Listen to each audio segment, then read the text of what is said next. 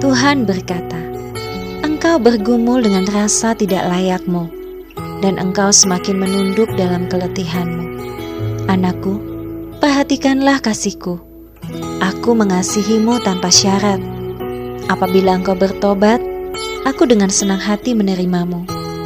Anakku, siapakah yang memang layak di hadapanku? Semua manusia telah berdosa dan tubuh mereka ada dalam hukum dosa. Tubuhmu akan binasa, tapi rohmu ada bersamaku. Tidak akan ada yang layak selain aku yang melayakkannya.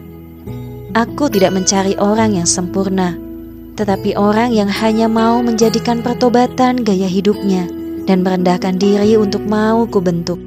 Jagalah hatimu dan janganlah mengecilkan kasih karuniaku.